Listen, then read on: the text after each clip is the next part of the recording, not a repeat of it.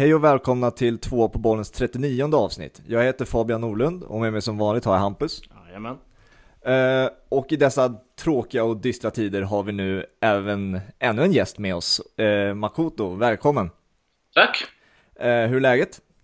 Jo då, jag ska väl inte klaga sett till omständigheterna man får väl lägga till alltid nu för tiden med tanke på hur det ser ut runt om i världen. Men man har det ganska lugnt får jag säga. Man eh, får, får någon sorts ofrivillig semester på sätt så att man får försöka göra det bästa av. Ja, jag har ju ställt följande fråga till både Hampus och alla gäster vi har haft hittills under de här coronatiderna. Vad, hur tråkigt har du? Vad gör du på dagarna för att underhålla dig själv? Alltså fördelen för mig i sådana här tider är ju att jag även vanligtvis kan njuta av att sitta en hel dag, sitta och spela tv-spel och inte göra någonting. Ja. Och nu gör man ju det lite oftare än vad man brukar göra annars, så kan jag väl säga kortfattat. För det, det blir ju en hel del sitta och spela Playstation. Det kan man bli Och- galen av också, känns det som. Jo, så är det ju. Man har väl tur att man samtidigt liksom sitter och pratar med kompisar medan man gör det. Men det är ju en annan sak att sitta och göra det när man vet att det inte finns några andra alternativ och att göra det när man vill göra just det. Ja. Så att, eh, såklart. Men det har inte nått någon riktig galenskap än skulle jag väl säga. Det är tur att man inte är en sån person som verkligen måste göra någonting hela tiden. För att jag kan tänka mig att för sådana personer så måste det här vara fruktansvärt verkligen. Att Mm. jag vill göra något produktivt, göra någonting viktigt och så vidare. Det är skönt att man inte har fått den paniken än på så sätt. Jo. Så ska du säga något. Eh, ja, nej. Man kämpar ju på varje dag och hittar på saker. Eh, själv har ju Fifa-karriären stagnerat lite. Eh, men gått över till mer och mer football manager. Så att det är tv-spelaren för min del. Jo. Det är många... Det är ett perfekt spel för sådana här lägen. Exakt. Alltså SM. Ja. Jo, men vi bidrar ju med tips nästan varje avsnitt nu i dessa tråkiga tider, så vi passar på att göra det även det här avsnittet då. Ehm, om, vi, om man följer oss på Twitter har vi också lagt ut det och eh, tipsat om Sunderlands eh, eh, serier då på Netflix. Eh, Sunderland det kom ju idag ja. Exakt, när vi spelar in där. Så, Ja. när, så när det här avsnittet är ute för alla er som lyssnar så finns Sunderland till I Die Season 2 finns ute nu. Eh, så det, måste, det är en tips från oss att eh, gå in och lyssna på det. Det, det var, säs- säsongen ett- var ju fantastiskt, så förhoppningsvis... Ja, det kan jag skriva under på verkligen också. Det var otroligt. Man sträckkollade verkligen säsong ett också. Eh, både i någon sorts fascination och även förfasan över hur en fotbollsklubb på den nivån kan liksom agera. Ja, Alltså det här avsnittet med sista dagen på transferfönstret från första säsongen var ju otroligt fascinerande hur man kan sitta så oförberett inför oh ja. Ja, nu har vi tio timmar kvar vi måste värva sex stycken spelare. Jaha, ja, men vi skickar våra scouter till Skantorp och så dissar de någon för att han har handskar på sig. och, äh, helt, helt fascinerande liksom, skött klubb. Och man visste ju var det skulle sluta också, vilket gjorde det ännu mer lite fascinerande att se men vart, hur, ska, hur gick det till när de åkte ur ännu en gång. liksom. ja. Det ska bli jättekul att se säsong två, Jo, om man precis. tittar på ikväll. Det är ju samma sak nu, man vet ju att de åker ut så att... Eh, Alla de torskar i finalen där. ja, jo. Spoiler alert Ja, för alla som inte har följt Sunderland. Eh, men, man vet ungefär. Exakt. Ehm, och eh, innan vi drar igång det här avsnittet så där vi ska diskutera absolut det senaste inom fotbollsvärlden och sen också diskutera lite med Makoto ungefär hur det ser ut på redaktioner numera. Det väl, hade varit väldigt intressant att höra det. Men innan vi drar igång det så ska vi inleda med att nämna vår eh, 39. Vi nämner ju numret som, eh, på en spelare med numret som eh, ja, avsnittet är helt enkelt. Och idag är det 39 som sagt. Och då blir det ju min, eh, i alla fall, Nicolas Anelka. Jag, vet- jag tror Hampus, du har samma också va? Ja, nej, jag hade svårt att komma på någon så jag får haka på på Fabians 39 här. Eh, Ja, men det, han, det var väl det numret han tog när han misslyckades med nian och blev av med den, eller? Ja, jag vet, jag vet inte vilken, vilken klubb det var i. Var det Chelsea första eller? Jaha, ja, eller Chelsea eller Arsenal. Det, nu är minnet är väl lite vagt där också, men Mm. Alltså en väldigt kontroversiell spelare många stunder, men med en enormt stor talang nu som har lagt, lagt skorna på hyllan. Men alltså, för att när man minns tillbaka på Anelka så är det ju inte en så här, en samma världsspelare som man jämför sig med så här Thierry Henry och Trezeguet som kom fram samma generation. Om jag, och, eller är det så man ska alltså, analysera det. Vad tycker du Makoto? Alltså han är ju svåranalyserad för att han hade ju sån otrolig potential. Det han gjorde i Arsenal först där i slutet av 90-talet var ju fantastiskt. Sen blir ju inte flytten till Real Madrid där han hade hoppats på om vi säger så. Han misslyckades ju rejält i Real Madrid. Mm. Eh, försvinner där efter en säsong och sen därefter tar han ju bara i princip bytt klubbar. Lyckades där City där början av, strax efter millennieskiftet och sen... Nej, det, det vart en stökig karriär sen, men man får väl minnas honom för han var väl som bäst lite innan man trodde han skulle bli som bäst. Ja. Om vi säger så. Alltså, när man ser på hans CV, det är, det är, det är det sjukaste CVet sett i klubbar som han har representerat. Det är det sjukaste jag sett. Eh, jag, alltså, du får ju se nu om det är någon i... För när jag kollade på det, så det är ju flera klubbar jag har missat han har representerat. Får se om ni också blir chockade över några här. Så det här är bara några exempel då. PSG, Arsenal, Real Madrid, Liverpool, Manchester City, Chelsea och Juventus. Alltså den här Juventus, de här två matcherna i Juventus 2013 har man verkligen inget minne av.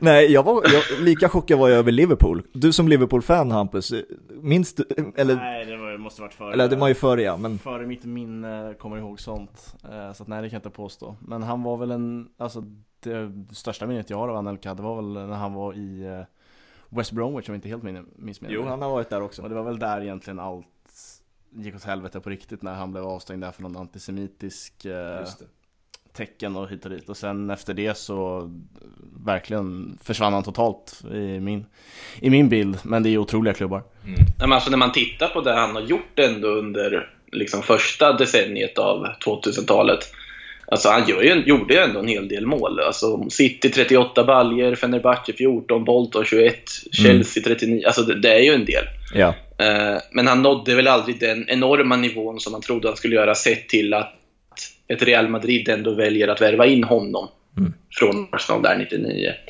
Det var, vart ju ett fiasko som sagt och det var ju efter Anelka som Galacticos-era med Florentino Perez på något sätt inleddes. Det var väl en av de sista mm värvningar som gjordes under eh, Lorenzo Sanz, då den numera i corona bortgångne före detta Real Madrid-presidenten. Ja, precis.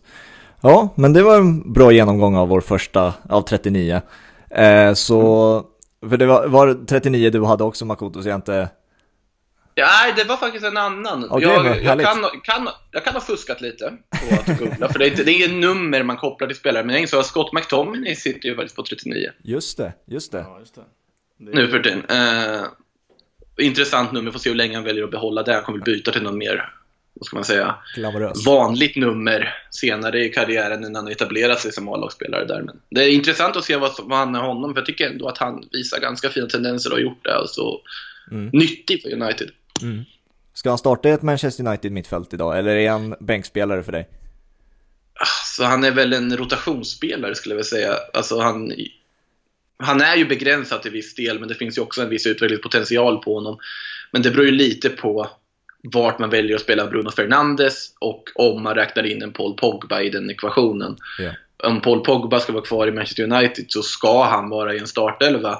Och man vill ju ändå se Bruno Fernandes och Paul Pogba spela tillsammans någon gång. Och då tycker jag väl snarare kanske att en Fred är lite mer intressant och har lite mer strängar på sin lyra än McTominay. Men yeah. det är väl lite hugget som stucket där också. Och Fred har ju varit fantastisk nu på ja, sista tiden, höll jag på att säga, innan allt stängde ner då. Så var han ju ändå väldigt bra. Mm. Vad säger du då Hampus? Vad tycker du om eh, McTominay? Ja men det är ju känslan, eh, Uniteds mittfält överlag, att det var den lagdelen som verkligen blev bättre ju längre säsongen gick och Fred som Makoto inne på och eh, McTominay eh, blev ju, eller var ju fullgoda Premier League-mittfältare på den nivån som United vill vara på så att eh, synd för dem att eh, det blev så här med tanke på hur, hur bra de var när allting avslutades. Eh, men jag tycker McTominay, känslan är att det är en spelare som har varit fantastisk under Ferguson. Eh, en spelare som är begränsad men är väldigt bra, bra som rollspelare, bra på sina grejer. Eh, även om han inte alltid toppen med bollen. Eh, så att eh, hade han fått eh, spela med Darren Fletcher på mitten kanske så hade det blivit ännu bättre. Men nej, jag tror på McTominay och eh, kan nog bli en stor spelare i skotska landslaget också. Fletcher McTominay känns inte som ett mittfält man vinner titlar med kanske. Det är ett sexigt mittfält alltså. Eh, men vi, vi drar igång avsnitt 39 då och eh, vi börjar med att eh, snacka om coronans inverkan och påverkan på redaktionerna. Makoto i Sportbladet då till exempel. Så välkomna! Helt enkelt, vi tänkte börja med att diskutera då som sagt hur det här viruset påverkar redaktionerna. Eh, hur ser vardagen ut för dig numera Makoto? Ja, alltså de senaste veckorna har ju inneburit att man inte jobbat överhuvudtaget i princip. Mm. Och det har man ändå en förståelse för sett till att eh, jag är ju inte fastanställd på Sportbladet eller, och, utan snarare har någon sorts inloppskontrakt att jag används lite när det behövs. Och det har jag väl haft ganska länge i den här branschen och det är där väldigt många sitter på. Mm. Det är väl ett typ av kontrakt som kanske inte heller är så känt för de som jobbar utanför journalistbranschen så att säga, att man kan ha ett sånt här typ av kontrakt där man inte riktigt vet hur man kommer jobba inför varje månad. Men eh, det har funkat riktigt bra, men nu kommer ju då coronaviruset, all fotboll ställs in och att all fotboll ställs in innebär automatiskt att det finns ju inte lika mycket att göra helt enkelt. Nej. Och då blir det så att då klarar man sig ju mer än gott och väl på de fastanställda man har. Vilket innebär att det blir en väldigt svår situation för vikarier och inhoppare på alla redaktioner skulle jag säga det som börjar komma nu är väl också sådana som redan har liksom fått klart med sommarjobb men kanske inte kommer på sommarjobb i och med att det helt enkelt inte finns behov och pengar för att ta in så mm. många sommarjobbare som man tänkt att göra. Så att det skulle varit ett EM, det skulle varit ett OS. Så att det är en otroligt tuff situation för väldigt många i den här branschen. Mm framförallt de som inte då har fasta tjänster. För de som har fasta tjänster får väl jobba på ändå, även om det kanske är ett väldigt mycket tråkigare jobb där man inte får se någon livesport. Ja. Man får försöka förnya sig på andra sätt. Hitta, liksom, man har ju på något sätt tiden för att göra de här djupare reportagen, göra de här större genomarbetade grejerna. För de, för de störs inte nu av att du måste bevaka en full omgång SHL och eh, en gäng Champions League-matcher på en kväll. Utan du har tid att göra dessa saker. Men för de som inte är fast anställda eller har liksom längre kontrakt tidsmässigt så är det ju en jättesvår situation för behovet finns inte. Så ja. enkelt kan man väl säga att det är. Så hur mycket skulle du säga att du skriver, om du skriver överhuvudtaget? eh, jag gjorde någon sorts pluslista här nu. Eh, I Sportbladet satte man väl en del på plus av förklarliga skäl då. Eh, nu. Så det, gjorde, hade jag väl en på, vad var det, så här, fri transferspelare till sommaren. Kan man, kan man gå in och läsa lite om vad jag tror de hamnar på sajten om man har plusabonnemang på Sportbladet. Ja. Men eh, ja, förutom det har jag inte gjort någonting i skriftlig väg de senaste tre veckorna. Nej. Faktiskt. Det är ju poddar och sånt. Ja. Lever ju vidare, men där kan jag väl inte säga så mycket än vad som är på gång, men det kanske är någonting på gång. Så mycket kan jag väl säga. Mm. Eh, utan att gå in på vad och hur och eh, varför. Ja, men eh, det finns ju olika parametrar där också som avgör. Men för det, ur den aspekten känner väl jag personligen, om man ska gå in på det, att i och med att man ändå medverkar i poddar och så vidare, att det finns folk som har det sämre än vad man själv har det. Ja jag är inte på den nivån att jag är orolig på något sätt än. Det kan låta lite drygt att sitta här och säga det, liksom. Mm. men, men lite så. Så att just nu så försöker jag se det som att man har en semester helt enkelt. Man behöver inte jobba och uh, man kan ta det väldigt lugnt. Ja. Men mycket jobb gör jag ju inte nu för tiden. Eh, sett till Sportbladet då, hur är det att jobba där och hur hamnade du där första, från första början? Det var, jag var ju på TT förut, då, TT Nyhetsbyrån. Eh, där jag var på sportredaktionen där också. Ja. Och eh, så blir man ju som, som man heter utlasad då, som man kan bli i den här branschen. Det vill säga att eh, när, för de som inte förstår, är med inne i journalistbranschen så är det ju att när LAS-tid och lagen om anställningsskydd, när den slår in, eller rättare sagt innan den slår in, så bryter de flesta mediehus med de som jobbar för en på vikariat och så vidare för att de inte har plats att ta in någon som heltidsanställd i en LAS-kö. Och det innebär ju att det är därför många sportjournalister byter jobb väldigt ofta. Som många kan reagera på utifrån. Att jaha, nu skriver den här personen för den tidningen eller för den sajten. Det har ju ofta att göra med att du får vara en viss period som vikarie eller inhoppare och sen får du byta. Mm. Eh, och det var väl ett sånt byte för min del helt enkelt. Att man inte kunde vara kvar där. Man tittade runt och eh, Aftonbladet ville ha acceptera att få in mig. Och så passade man på. Ja. Och tog det helt enkelt. Och lite så. Eh, sett till ditt lag då, ditt favoritlag, vad, vad, har du ett favoritlag eller? Ja, det har jag. Vilket är det? De flesta borde väl veta vilket det är. Jag tänkte jag har inte varit jättebra på att dölja det tror jag. Är det Men, Real Madrid eh, eller? Ja, Ja. precis. det, jag tror att det, det, det tåget med att försöka låtsas vara helt objektiv i det här sammanhanget har nog gått för länge sedan. Eh, Så att det kan man nog outa utan problem. Ja. Hur har du sett den säsongen då? Real Madrids säsong, innan det Un- blev in... ha, Underlig! jo, Underlig skulle jag säga. Alltså, man, det är en säsong där både Real Madrid och Barcelona är ganska bedrövliga. Alltså, men ändå på något sätt är med och slåss om en titel som båda egentligen är för dåliga för att ta. Eh, Barcelona har ju haft sitt superkaos i ledningshåll som fortfarande pågår. Ja. Där eh, Bartomeu och ledningen där krockar med spelartruppen i var och varannan mening de yttrar. Eh, I Real Madrid så har du problemet att det spelmässigt inte sett helt enkelt tillräckligt bra ut. Man är för ojämna.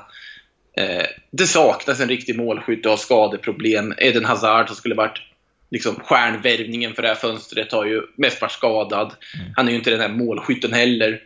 Men, och Luka Jovic har ju varit ett superfiasko hittills, både baserat på vad han har levererat och hur lite han har fått chansen att leverera. Så att eh, man lyckas tappa poäng i lägen som gör att man på något sätt sjabblar bort titeln. För det känns som en titel som Real Madrid ska kunna ta, ligatiteln. Mm. Sett till hur dåliga Barcelona varit.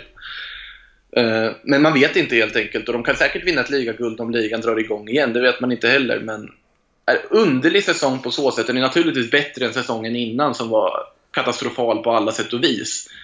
Eh, Men eh, svårbedömda, ska jag säga. Ja, håller absolut med. Jag tar ju varenda chans jag får att diskutera om eh, Valverde, eh, mittfältaren i Real Madrid. Jag tycker han är fantastisk, en Han fantastisk är mittfältare. otroligt bra. Otroligt Eh, bra. Vad säger du om honom? Ja, alltså han ska ju starta, så är det ju. Det är skönt att man har, han har fått den chansen och visat liksom... Jag trodde inte att han skulle ha en sån impact redan nu, kan jag väl säga. Han, han har ju varit i ungdomsleden ganska länge. Han kom väl från Peñarol där någonstans runt, kan det vara 2014, 2015 där någonstans, som ungdomsspelare då. Var en sån här spelare man värvade på FN väldigt ofta, på lån och så vidare, redan 15-16 minns jag Ja. till, man kunde i princip få honom för ingenting. Så att han har ju spelat för IFK Norrköping i diverse FN. eh, men eh, nej, att han har fått den impacten och fått chansen och varit så pass bra. Han bidrar ju med någonting som någon så här liksom arbetsvilja och ungdomligt driv som inte riktigt varken Kroos, Modric eller Casemiro har någon mer. Eh, Kroos och Modric har ju varit ett frågetecken. Förra säsongen var de ett rejält frågetecken skulle jag säga. Men båda de tycker jag ändå har lyft sig den här säsongen när de ändå fått roteras lite mer i och med att Valverde kommit in i laget. Eh, så jag tycker att han är en av de viktigaste spelarna Real Madrid har idag. Ja. Sett till hur de spelar idag. Och jag hoppas verkligen att man fortsätter ge honom chansen. Och inte skeppa bort honom likt man gjorde med Marcos Llorente förra sommaren efter hans fina säsong. Likt man gjorde med Kovacic till Chelsea. Jag hoppas att Valverde får chansen att faktiskt fortsätta växa på det sättet Casemiro har gjort till exempel i Real Madrid just. Ja, jag håller med. Han känns som en nästan komplett mittfältare redan nu. Så att, eh, jag följer hans utveckling med ja, stor, stor spänning.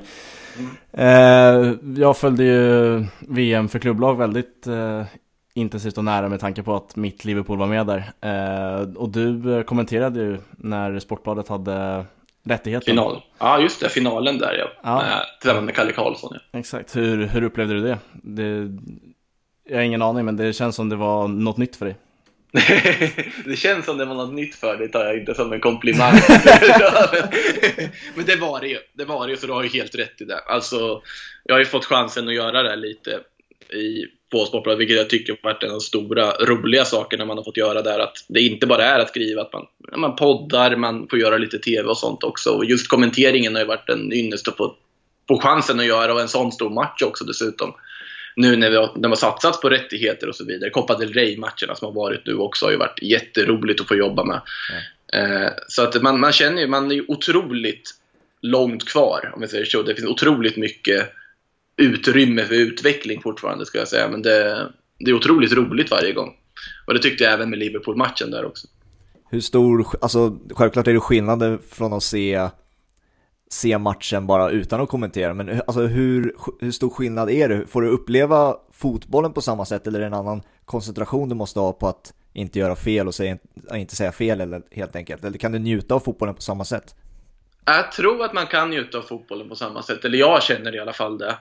Eh, det beror ju också på match, att man dras ju med i matchen. Så om det är en bra match så kommer du dras med i den och liksom vara engagerad. Bara att du får se till att prata, visa ditt engagemang genom prat som går att förstå om du säger så. Mm. Eh, så att på så sätt så tycker jag att det är ganska lätt att hänga med i matchen. Sen om det är en tråkig match så ska ju inte du börja gorma för det. Utan det, matchen är ju fortfarande vad den är. Du kan inte som kommentator påverka hur matchen ser ut. Egentligen. Man ska ju guida matchen. Om det är en tråkig match så kanske det inte kommer vara lika rolig kommentering. Nej. Man kan inte liksom... Så att man får ju väga det där, men jag tror att det där görs naturligt när du tittar. För min del så har det snarare varit att man verkligen kommer in i matchen och följer den. Jag tycker till skillnad från när man faktiskt textkommenterar matcher, eller live-rapporterar i textform som man har gjort det mycket mer än att kommentera och då hänger man inte alls med i matchen på samma sätt för då är det detaljer och man skriver och så vidare. Yeah. När man väl pratar och tittar på en match så tycker ändå jag personligen att man verkligen får en bild av matchen ändå. Mm. Vad har din favoritmatch hittills varit då, att kommentera? Ja, det måste ju ändå vara... Eh... Alltså Real Madrid, Real Sociedad med Isaks två mål var ju jättehäftig. Yeah att få göra. Sen ändå så, jag har bara gjort en match on-site och det var Hammarby-Uppsala i Elitettan-avgörandet. Mm. Jättefantastisk match med fantastisk publikinramning och där Uppsala vände och tog den skrällartade damallsvenska liksom, uppflyttningsplatsen. Otroligt kul match att göra på plats också med alla de känslorna som fanns på plan och stämningen och du var på plats där. Det var också otroligt roligt skulle jag säga. Ja, men vi fortsätt lycka, lycka till då önskar vi dig till i kommentar, att kommentera. Det låter ju skitroligt. Ja, vi behöver ju få lite matcher bara igång. Det kan det bli svårt. Vi håller, to vi håller Det är ju där kruxet ligger just nu.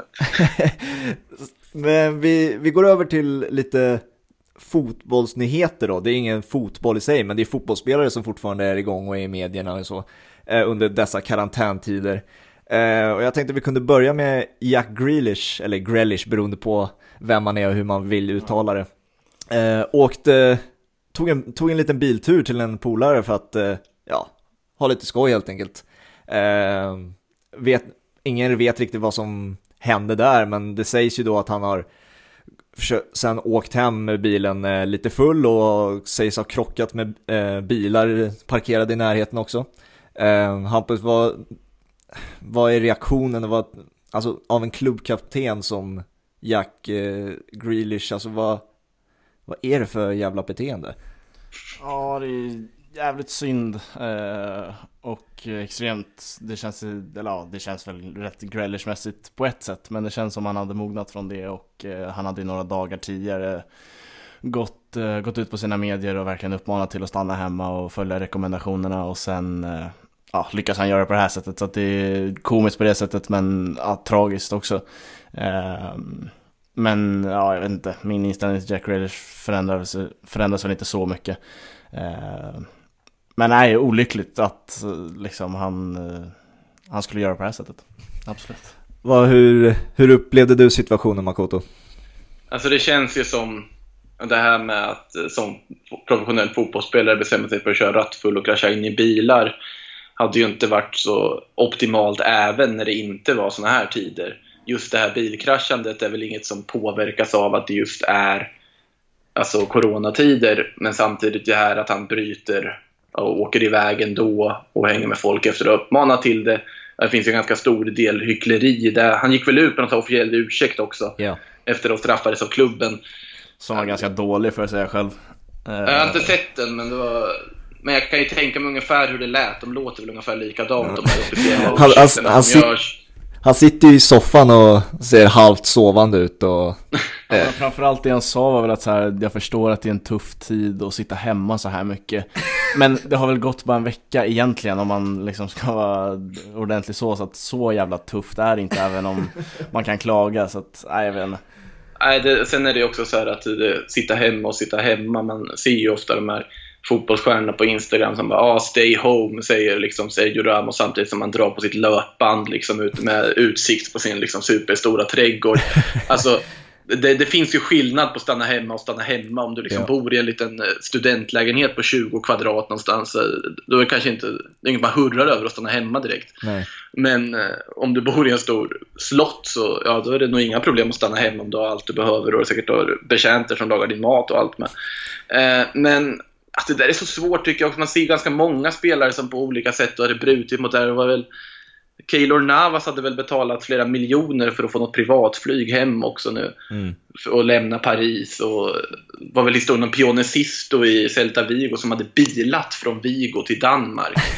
för att åka, alltså otrolig historia, man vill verkligen ha mer detaljer på den känner jag. Verkligen. Eh, men det, ja, de ska ju föregå med gott exempel såklart eftersom att det är personer som folk ser upp till och att Grealish mm. kör så här naturligtvis. Och, nej, ser ju inte det bra ut. Nej. Men det, samtidigt så det finns andra som gör värre saker, höll jag på att säga. Det finns saker som är mildare saker också. Jag har svårt att liksom väcka, få någon energi av det på något sätt, eller få några reaktioner på det, för det känns som att man blir inte förvånad. Nej.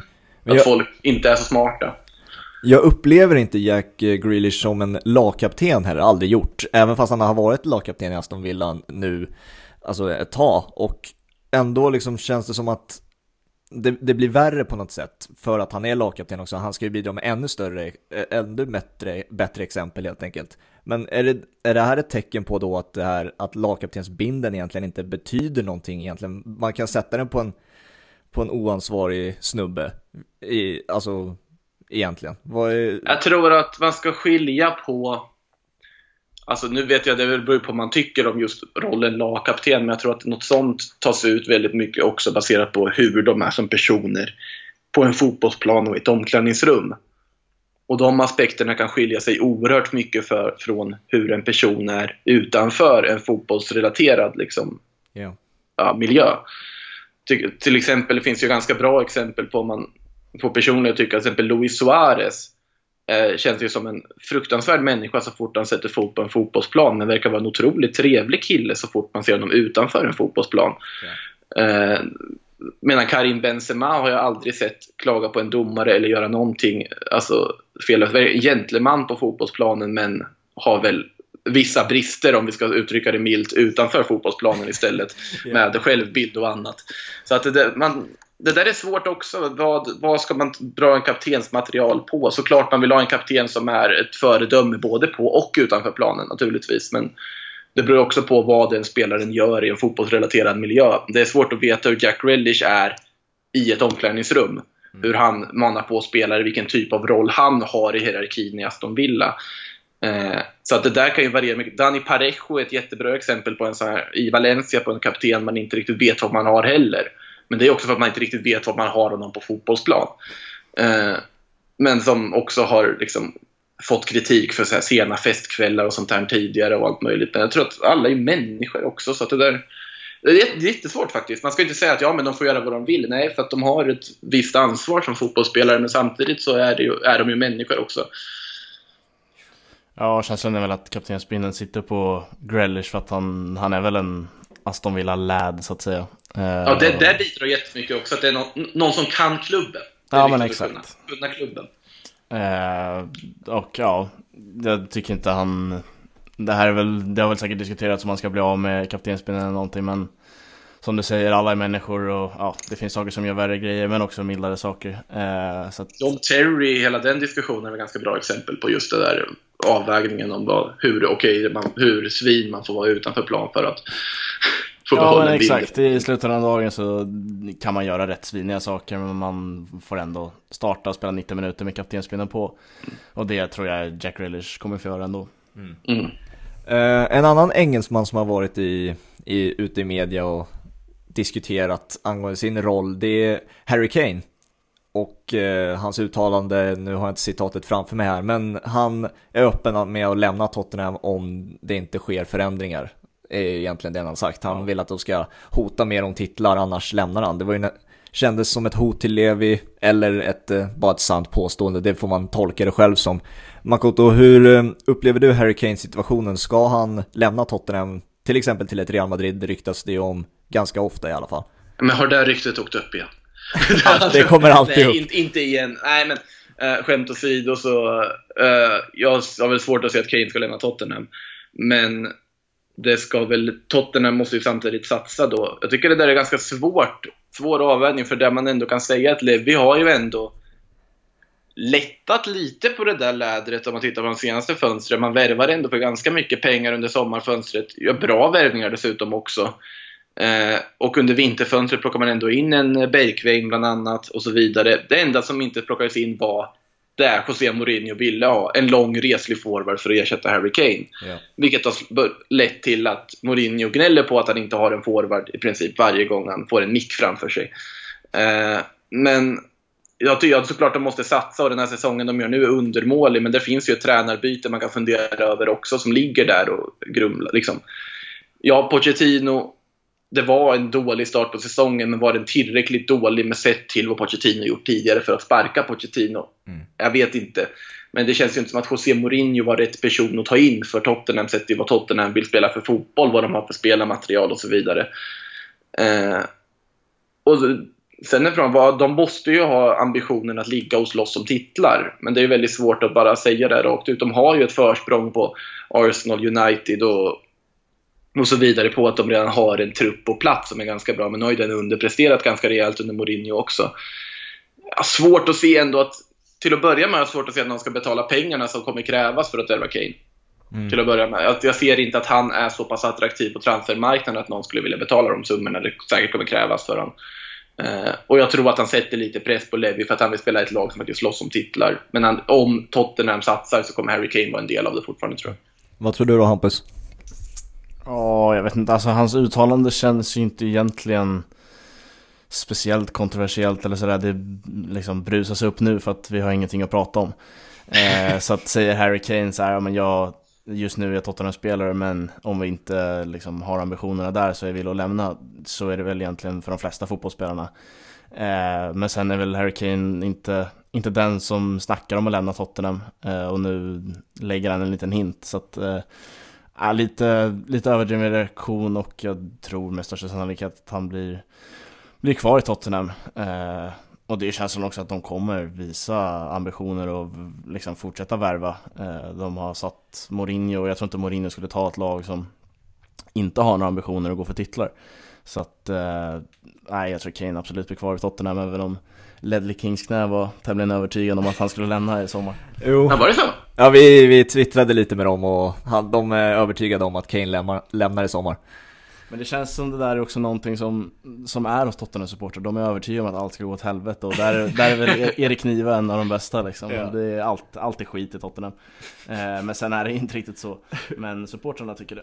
Makoto, du, du, näm- vi, du kom in på Mourinho där och även Hampus. Eh, jag vill ändå fråga dig som är Real Madrid-fan. Är, sägs ju vara väldigt bra kompis med Fiorentino Perez och har ju varje gång han har inte haft ett jobb ryktats svagt eller ganska starkt till Real Madrid. Att, och jag tror ju personligen att en dag kommer han komma tillbaka till, till Real Madrid. Nej, nej, nej, nej. jag tror att det här tåget har gått för länge sedan, även om de är goda vänner. Det tror jag. Ah, jag vet inte, alltså hur han... Jag tror att tåget har gått, det måste till något. Alltså, för det första, att Zinedine Zidane kom tillbaka som tränare i Madrid, då var det ju Perez sista drag i panik på något sätt. Han mm. har missprick, alltså prickade fel på Lopetegi, han prickade fel på att ta in Solari som interim och lyckas ändå övertala Zidane att komma tillbaka mindre än ett år efter han lämnade. Mm. Eh, var, den kom ju verkligen som en chock då att Zidane gick med på, men det var ju för att rädda klubben och att han fick ett annat mandat. Perez har ju satt alla sina kort på Zinedine Zidane. Om Zidane skulle fatalt misslyckas, då kommer det ju ställas stora frågetecken inför nästa presidentval skulle jag säga, ja. om Perez är rätt man. Nu är Florentino Perez rätt man att leda Real Madrid sett till att vi har en ekonomisk kris och Real Madrid är den enda av topp tre klubbarna som inte behövt permittera spelare och sänka lönerna på dem för att de har det gott ställt och inte gått ner liksom ekonomisk ruin på två veckors liksom, fotbollslös tid. Mm. Eh, vilket är fascinerande att de här storklubbarna gör, måste jag säga. Vilka luftslott det verkar finnas eh, runt om i den här fotbollsvärlden också. Mm. Men eh, nej, alltså jag ser ju inte att Mourinho ska ta Madrid igen. Jag, jag ser det inte på kartan överhuvudtaget. Det känns som att Mourinhos tid, alltså, han är ju från en svunnen tid på något sätt. Hans, hans ledarstil, hans taktik, den, folk har sprungit i kappen. Mm jag, jag, tycker om José Mourinho eh, som karaktär och jag tycker om honom som tränare egentligen också, men Nej, jag, jag, kan inte se det. Alltså. Problemet är att Mourinho måste på något sätt hitta en annan självbild sett i de klubbar som teoretiskt sett kommer kunna vara intresserade av honom när väl Tottenham-jobbet tar slut. Mm. Vi kommer in strax på um, de här eh, ekonomiska strategierna av olika klubbar och hur det tas, tas emot av media bland annat. Men innan vi diskuterar det hade jag tänkt att vi kunde ta upp Premier Leagues nya förslag på hur man ska avsluta säsongen. Det här VM-förslaget eller vad man kan kalla det. Eh, eh, du, du kan ju presentera det lite mer Hampus, vad det, vad det handlar om så att säga. Ja, men jag nämnde ju ja, för något avsnitt sen eh, och det är väl egentligen en tanke att det blir som ett VM där man har en tre, fyra arenor. Eh, alla matcher ska tv-sändas, eh, ja, spelarna ska bo på hotell. Det är en extremt krånglig lösning, eh, känns det som på förhand när man läser. Det är en massa, massa grejer som ska till. Eh, men ja, det blir som ett VM där det är tre, fyra arenor så det blir som ja, neutral mark då. Eh, och man spelar vad är det, de 92 matcherna som är kvar. Eh, 12 juli är planerad final för det här förslaget. Så att, eh, ja, det, det, är så det ser ut. Eh, Hur ska de lösa sista omgången? Ja, det Alltså om de ska ha fyra arenor? Ja, men exakt. Det, nej. Men i, ja, de skulle kunna göra som i Spanien i och för sig. Hur är alltså, det då? för där, du, alla ligor har ju alltid att sista omgången ska spelas tillsammans, liksom, för att ingen ska kunna spela på andras resultat och så vidare. Ja. Men i Spanien så har de ju alltid delat upp den sista omgången ändå. Mm. Vilket jag tycker om, för då delar de upp det i att okej, okay, de här matcherna påverkar toppstriden, eller det här streckstriden. Ja. De spelar samtidigt. Ja. De här fem matcherna påverkar bottenstriden. De spelar samtidigt. Och de här matcherna påverkar ingenting och är totalt betydelselösa. De spelar samtidigt. Mm. Eh, så att man delar upp det på det sättet, vilket är ganska bra, för då får man ju följa alla olika strider som finns kvar i en slutomgång. Men om det, de, de matcherna kan ju också krocka med varandra. Vilket kan göra att det blir jättemånga matcher som måste spelas samtidigt ändå. Men det låter ju som, ja såklart det kommer upp förslag men ja, det är ju jättesvårt att veta för att allting beror ju på när det här ja, alltså virusproblematiken börjar sina och försvinna. Mm. Och också, man har ju sett exempel på det i Japan till exempel också där man trodde att ja, men nu är kusten klar, att vi har, nu har det lugnat ner sig och det kom ett nytt utbrott av det istället och blivit ännu värre. Ja. Eh, så att det är så otroligt svårt att planera någonting och det tror jag även för alla personer kan relatera till idag att det går ju inte att planera saker tidsmässigt om det så är att planera in ett avgörande av Premier League till att planera in och träffa en vän för en fika. Mm. Alltså det går ju i princip inte idag. Nej. För du har ingen aning när det här slutar. Nej, så då får vi ju leka lite teorier här då, som man kan göra i podcast. Ehm. så är det ju såklart, att, men teoretiskt sett, det finns ju alltid de här aspekterna i att jag men det är väl orättvist om spelar på neutral mark när de har fått fler hemmamatcher si och så, men det är väl inte riktigt där. Man hoppas ju att man ska kunna spela klart den här serien mm. på ett eller annat sätt. För att det är väl mest rättvisa. Du kan inte stänga serien nu och utropa någon till en ligavinnare eller skicka ut någon heller hur stort en Liverpool leder så kan de inte få titeln ifall du väljer att stänga säsongen nu. För att det måste innebära att du då ska argumentera för att ett lag som Aston Villa till exempel ska åka ur fast de kanske bara för att de förlorade sin sista match innan det här drog igång. Och såklart de vill spela klart serien för det blir så jättekonstig situation ifall Liverpool inte får den här titeln. Om det är så. Ja, det känns ju som allas liksom, prioritet och förhoppning är att spela klart den här säsongen och då, då tror jag att man får ta ja, det minst dåliga förslaget för att jag tror inte det finns något bra förslag när det har blivit så här lite tid kvar. Eh, man, måste, man måste avsluta serierna. Eh, sen får vi väl se om det överhuvudtaget blir möjligt. Som sagt, vi har ingen aning om hur, hur länge det här kommer pågå. Eh, och som Liverpool-supporter känner jag lite att den här långa väntan på en titel har, har redan förstörts på något sätt. Eh, det blir inte samma sak. Eh, visst, det här, jätteskönt om man skulle få den här titeln, men då ska man också spela, spela till sig den och ta de poängen som krävs. Eh, så att lite har det redan, det blir för konstigt redan, redan nu. Men nej, självklart så vill man ju att eh, serierna ska avslutas och ja, krävs det ett VM i, med Premier League-lag så får det väl bli så.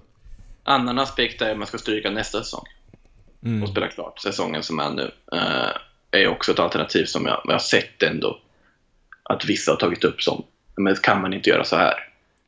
Vad hade, eh, vad hade du velat se då, Makoto? Alltså det jag hade velat se naturligtvis är ju att vi att det här lugnar sig och att vi får otroligt mycket ligafotboll i juni-juli som kompenserar för det uteblivna EMet. Ja. Det är ju det man vill se. Mm. Eh, både arbetsmässigt och privat kan man väl säga att man vill se det för att såklart man vill se fotboll och eh, man skulle ha en hel del att göra dessutom under sommaren här också.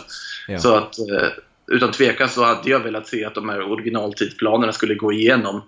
Nu verkar det ju som att om vi tittar på Champions League och Europa League-spelet så är det väl juli, augusti nu. Det senaste beskedet kom väl idag har jag för mig. Ja. Att eh, avgöra det då. Och man vill ju att en säsong ska kunna starta som vanligt. Att det ska bli som vanligt i augusti och att vi ska få en vanlig liga som startar då. Men då måste det ju till en väldigt konstig sommar. Ja. Jag tänkte vi kunde gå över till det, vi, det som nämndes tidigare, det här med klubbarnas strategier att spara pengar eh, under denna kris. Liksom. Eh, vissa är väldigt generösa, eh, vissa är lite mer egoistiska och lite mer svinaktiga, alltså sett till styrelse och så. Eh, vi kan ju nämna de bra exemplen som till exempel Juventus. Eh, spelare och ledare har gått med på att inte få in löner på fyra månader ungefär. Eh, Mm. Barca, trots sin otroliga eh, vad ska jag, disput mellan spelare och styrelse har gått med på att sänka sina löner med 70%. Eh, och jag tror det var 70 till 100%, något sånt där. Och eh, samtidigt eh, ge övrig personal sin 100%iga lön. Eh, och sen Där är ju aspekten som, jag vet att många, man tittar på liksom medierapporteringen på Barcelona när det här kom ut att ja, men de vägrar sänka sin lön. Ja, Så var den ju otroligt felvinklad. exakt. För att det var ju snarare där då att Barcelona-spelarna vägrade sänka sin lön samtidigt som även varenda anställd i klubben behövde göra det. Ja, precis. Och det var det som dröjde på tiden på något sätt och det var den, så gick ju Messi ut själv och sa att ja, nu sänker vi lönen. Och skickade en känga till ledningen på köpet också för att de inte ville gå med på det först. Hur många matcher måste Barcelonas styrelse förlora innan de kan fatta att de kan, alltså liksom, de kommer aldrig vinna en, ett argument på me, in, inom media mot Messi. Det kommer aldrig funka, det kommer aldrig gå. Nej, de, kan ju, de kan ju tvinga bort Messi från klubben. jo, men det, hur realistiskt är det då? Nej, men alltså, om man tänker att hur realistiskt det är att en, en ledning anställer ett PR-företag för att smutskasta deras egna spelare på sociala medier. Helt otroligt alltså. Alltså det, det, är, det, det är ju det är ju ett sånt skämt alltså, vad de håller på med där. Man, Ja. man blir ju mörkrädd. Och eh, lite underhållen samtidigt blir man ju naturligtvis. Men det är, eh, är det är helt bisarrt vad, vad Bartomeu och gänget har sysslat med där. Också det här sättet de sparkade Valverde på. Ja. När man börjar liksom leta ersättare öppet innan man ens har liksom annonserat för Valverde att vi fort, inte har något förtroende för dig någon mer. Mm. Ja. Också intressant om man ska försöka rädda upp det här på den här presskonferensen och ska presenteras ett igen då att Abidal, ja men vi måste titta på alla våra alternativ hela tiden. Jaha, okej, så ni måste fortfarande nu leta tränare även om ni anställt en? Ja. Nej, det, det, nej, jag, vet, jag vet inte vad de håller på med, men det, det är lite underhållande alltihop. Ja, en, Tycker- an, en, annat, en annan snål styrelse, eller vad man ska säga, ägare, det har ju då blivit Spurs som har fått den, fått den, ja, de har fått den stämpeln på sig också. Eh, efter att ha gått ut med att Spurs kommer då att sätta 550 medarbetare med en kraftig lönesänkning. Och då får de ut max 80% av sina löner eh, vid just detta tillfälle då. Eh, Mm. Medan coacher och, sina, och coacher och spelare får ut sina miljoner. Eh, och då är helt enkelt min fråga till båda er, vad tror ni är det bästa sättet att lösa de här rent alltså strategiskt sett och ekonomiskt sett för klubben liksom? Vara generösa men samtidigt behålla, storklubbarna säger jag till nu, alltså behålla de här, fortsätta behålla, vara de här stora klubbarna men fortfarande vara generösa. Kan ju börja med dig Makoto. Det ju, beror ju helt och hållet på vilken klubb och hur välställt den klubben har det. Eh, jag tycker väl att alla, alla branscher har ju ett helvete just nu och man ser ju oerhört mycket människor som förlorar sina jobb. Om det så är kortsiktigt eller långsiktigt eller att man inte riktigt vet hur länge för man är permitterad. Så det är en otroligt jobbig bransch och det känns ju konstigt om fotbollen inte skulle drabbas på samma sätt. Eh, och såklart jag tycker att spelare ska gå ner. Det känns naturligt, liksom, klart på något sätt. I alla fall de som har det väldigt mycket i lön och skulle ha det oerhört gott ställt oavsett. Sen så tycker jag väl att om du är en stor klubb med så mycket pengar, eller liksom sån stor skattkista som de här största klubbarna har, så måste du väl kunna fortfarande behålla liksom den här eh, halvtidsanställda personen i klubbshoppen. Ja. På något sätt och inte skicka ut den på gatan. Alla är ju en del av den här klubben tillsammans. Det är det klubbarna alltid säger att vi är en del tillsammans med våra supportrar och så vidare. Mm. Jag tycker till exempel det Roma gjorde, om vi ska ta fram ett positivt exempel, är någonting oerhört fint. Där man åkte ut då till alla sina säsongskortsinnehavare som är liksom äldre säsongskortsinnehavare med en stor giftbasket med mm. mat och liknande och någon Roma-halsduk. Åkte runt ut till alla dessa och lämnade över dem. Mm. Som någon sorts liksom, hjälp för att hålla sig hemma. Olika mm. liksom, basvaror och allt möjligt. Tycker jag är fint initiativ på så att man tar hand om dem. Eh, sådana initiativ uppskattas ju alltid tycker jag. Men mm. det är väldigt svårt att sitta och säga att så här ska man göra. Tycker jag. Utan det är ju från klubb till klubb, från situation till situation. Men naturligtvis så borde grundtanken vara att, och jag har svårt att se att spelare ska inte gå med på att överhuvudtaget gå ner i sin lön i ett sånt här läge. Jag tror att det måste finnas någon form av solidaritet där. Ja, jag tycker det är först och främst extremt märkligt att det har slagit så här hårt. Jag förstår att ah. två fotbollslösa veckor slår mot ekonomin, men att det är liksom något som inte rimmar här med tanke på, ta Barcelona som exempel, de köper Coutinho för 1,3 miljarder, Dembélé för en miljard. Och sen är det två fotbollslösa veckor och man liksom måste, det är panik och det är bara sänka löner och eh, för att säkerställa lönerna för all övrig personal. Eh, så det är redan något där som inte rimmar i liksom storklubbarna för mm. det är mm. många, många som har problem. Så redan där tycker jag det är märkligt. Eh, sen håller jag med om att det är från klubb till klubb och svårt, och, svårt att ha ett facit på just den här situationen. För ingen vet hur länge det kommer pågå vi har liksom inte behövt handskats med det här förut på samma sätt. Man vill, man vill ju veta huruvida det här är drag man gör för att säkerställa att man inte hamnar i en superekonomisk kris.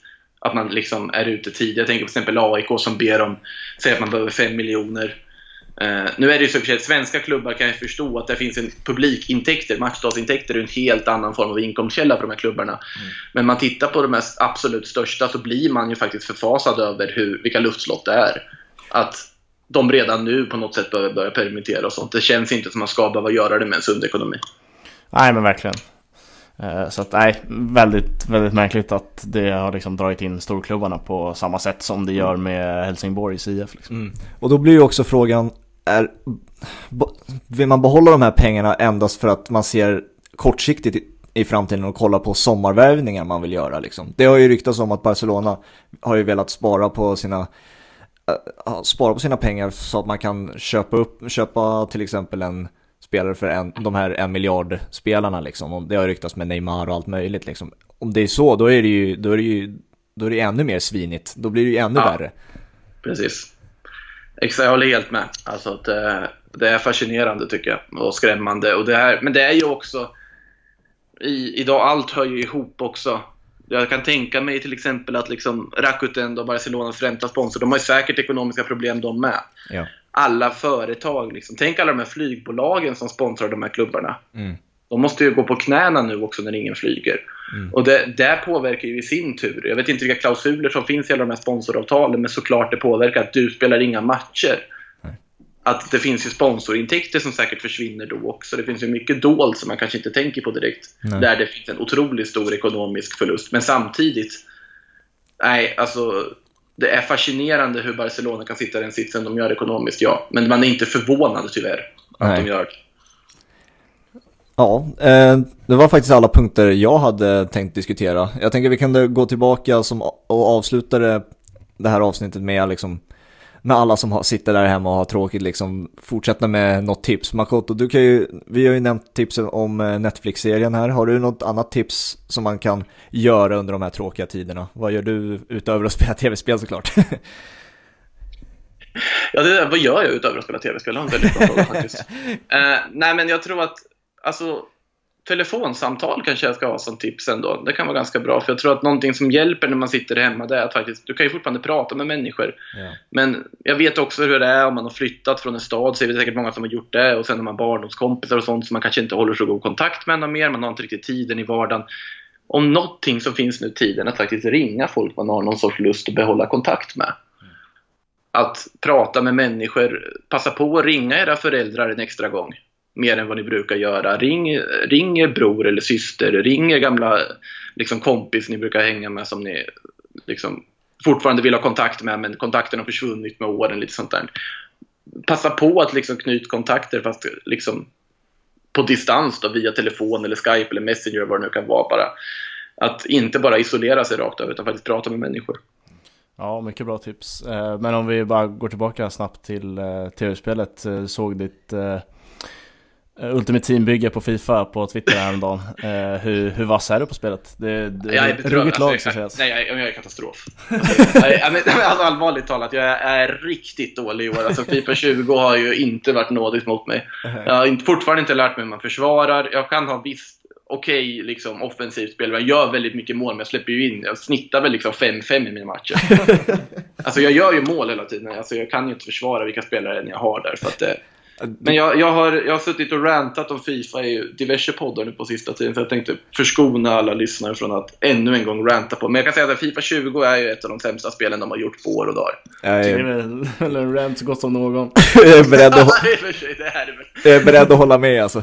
Nej, men det, det, är, liksom, det är ologiskt. Ja. Alltså, allt som händer är ologiskt i det. Liksom, lite så känner jag. Jo, absolut. Um, Måste ju passa på att fråga, vad gör ni då, grabbar? Liksom nu för tiden. Ja, utöver skola som vi båda har såklart. Eh, på, på nätet numera som är så otroligt bisarrt att ha. Eh, men... Har ni för kurs nu då? För ni pluggar väl journalistik va? Ja, ja. exakt. Just nu är det nyhetsjournalistik eh, för mig. Eh, det är kursen jag läser. Eh, men det är ju, alltså, det är föreläsningar i tre timmar på en dator liksom. Svårt att inte somna om man sitter i soffan om man säger så. Och en eh, sån, sån kurs känns ju en sån som man ska ändå ha lite så här miniredaktionsövningar och sånt där på skolan och så mm. vidare. Att man får leta nyheter och sånt. Jag kan tänka mig att det är ganska tufft också för just journalistutbildningar att hantera på distans. Oh ja, alltså det är, och det är ju nytt för föreläsare också. Allting är ju mm. nytt för alla i, all, i alla situationer. Mm, precis. Så. Så det är otroligt bisarrt allting. Eh, men utöver det, alltså det, sett till fotbollsmässigt vad man gör. Jag spelar ju fotboll, nu kom det ju liksom nyheten om att eh, i alla träningsmatcher ska ställas in. Så det, just nu har jag då fyra träningar i veckan men ingenting att se fram emot på helgerna. så inga matcher. Eh, och sen får man ju hitta de fotbollsserierna och fotbollsmatcherna i repris som man vill titta på. Det var du Hampus då? Ja, nej, jag kör på med skola också. Jag, jag och Fabian går inte samma, samma skola, samma linje. Jag, vad har vi nu ens? Som, som man glömmer bort det. Ja, det är berättande journalistik, lite kröniker och reportage och så vidare. Jag skrev nyss ett reportage där jag inte ens var på plats. Så att det blir jävligt bisarrt. Ja. Eh, nej, men annars är det mycket FM. Jag har spelat FM länge, typ FM 08 som var mitt första där brorsan Uh, ja, skola in mig i det. Så att, uh, jag är mycket football manager inne på säsong 4 med Glasgow Rangers. Lyckades ta ligatiteln förra året. Så att, uh, jag kör på med dem. Jag har, uh, jag, har försökt, jag har gått vidare i CL med mitt Norrköping i alla fall på SM19 nu. Uh, förlorade Champions League-finalen mot Liverpool, det var lite synd säsongen innan. Men det inte helt realistiskt kanske. Makoto, berätta för alla var vi kan hitta dig på olika diverse medier olika diverse medier. Ja, jätte, alltså, jättedålig svenska. Det enklaste är väl att säga att jag finns på Twitter. Asahara M heter jag där. Eh, kan ni väl gå in och följa. Jag vet inte hur mycket vettigt ni får ut av den Twitterflödet nu för tiden, men eh, ja, ni märker om inte annat när ni går in där. Det är lite gott och blandat. Det är väl där om ni vill just följa fotbollsmässiga saker, så är det väl Twitter främst. Eller så kan ni ju kolla på Aftonbladet, finns väl. Kanske dyker upp förr eller senare igen där också på Ja, man såg Iran. en eh, karantänelva som hittade ut här. Ja, då, ni ser ju vad jag Ja, det, det, är väl det jag gör då. Förutom det är ändå lite påhittigt. Ja, det roliga med den var att kommentarerna där var ju folk jag känner på riktigt liksom, IRL. De undrar ju, mår du bra? Alltså, vad, är du okej okay, liksom där borta? Vad händer med dig? Medan andra tyckte det var jättekul. Liksom. Men det, det var roligt. Och de, de som man känner undrar liksom, men vad håller, mår du bra? Liksom? Vad håller du på med? Får vi göra reklam för våra medier också då Hampus? Ja, vi har börjat twittra nu mer och mer. Eh, två bollen där och sen även på Instagram finns vi två pa bollen där. Eh, och sen, ja, ni når oss på mail också. Inte skitmycket mail som trillar in, men eh, det är bara mejla vidare. Vi har ju sagt det, det är svårt att hitta på något att prata om nu för tiden. Eh, så att, eh, kom gärna med idéer, tvåpabollen at gmail.com där. Och sen nästa avsnitt är ju ett eh, lagporträtt på Leeds United. Yes. Så Oh, att, eh, Trevligt. där eh, får gärna folk komma med förslag vad vi ska prata om och ja, faktamässigt och vad man har för relation till den klubben. Ja. Ehm, jättekul att du ville vara med Makoto. Jättekul om man fick vara med. Eh, du får gästa igen när du vill, det är bara att höra av dig. Ehm, och sen får vi önska er alla som lyssnar eh, ha en fortsatt trevlig ka- karantän. Håll er friska allihopa. Eh, följ, följ regler och allt möjligt så hörs vi snart igen. Tack så mycket. gör vi. Ciao! Ciao. Hej då.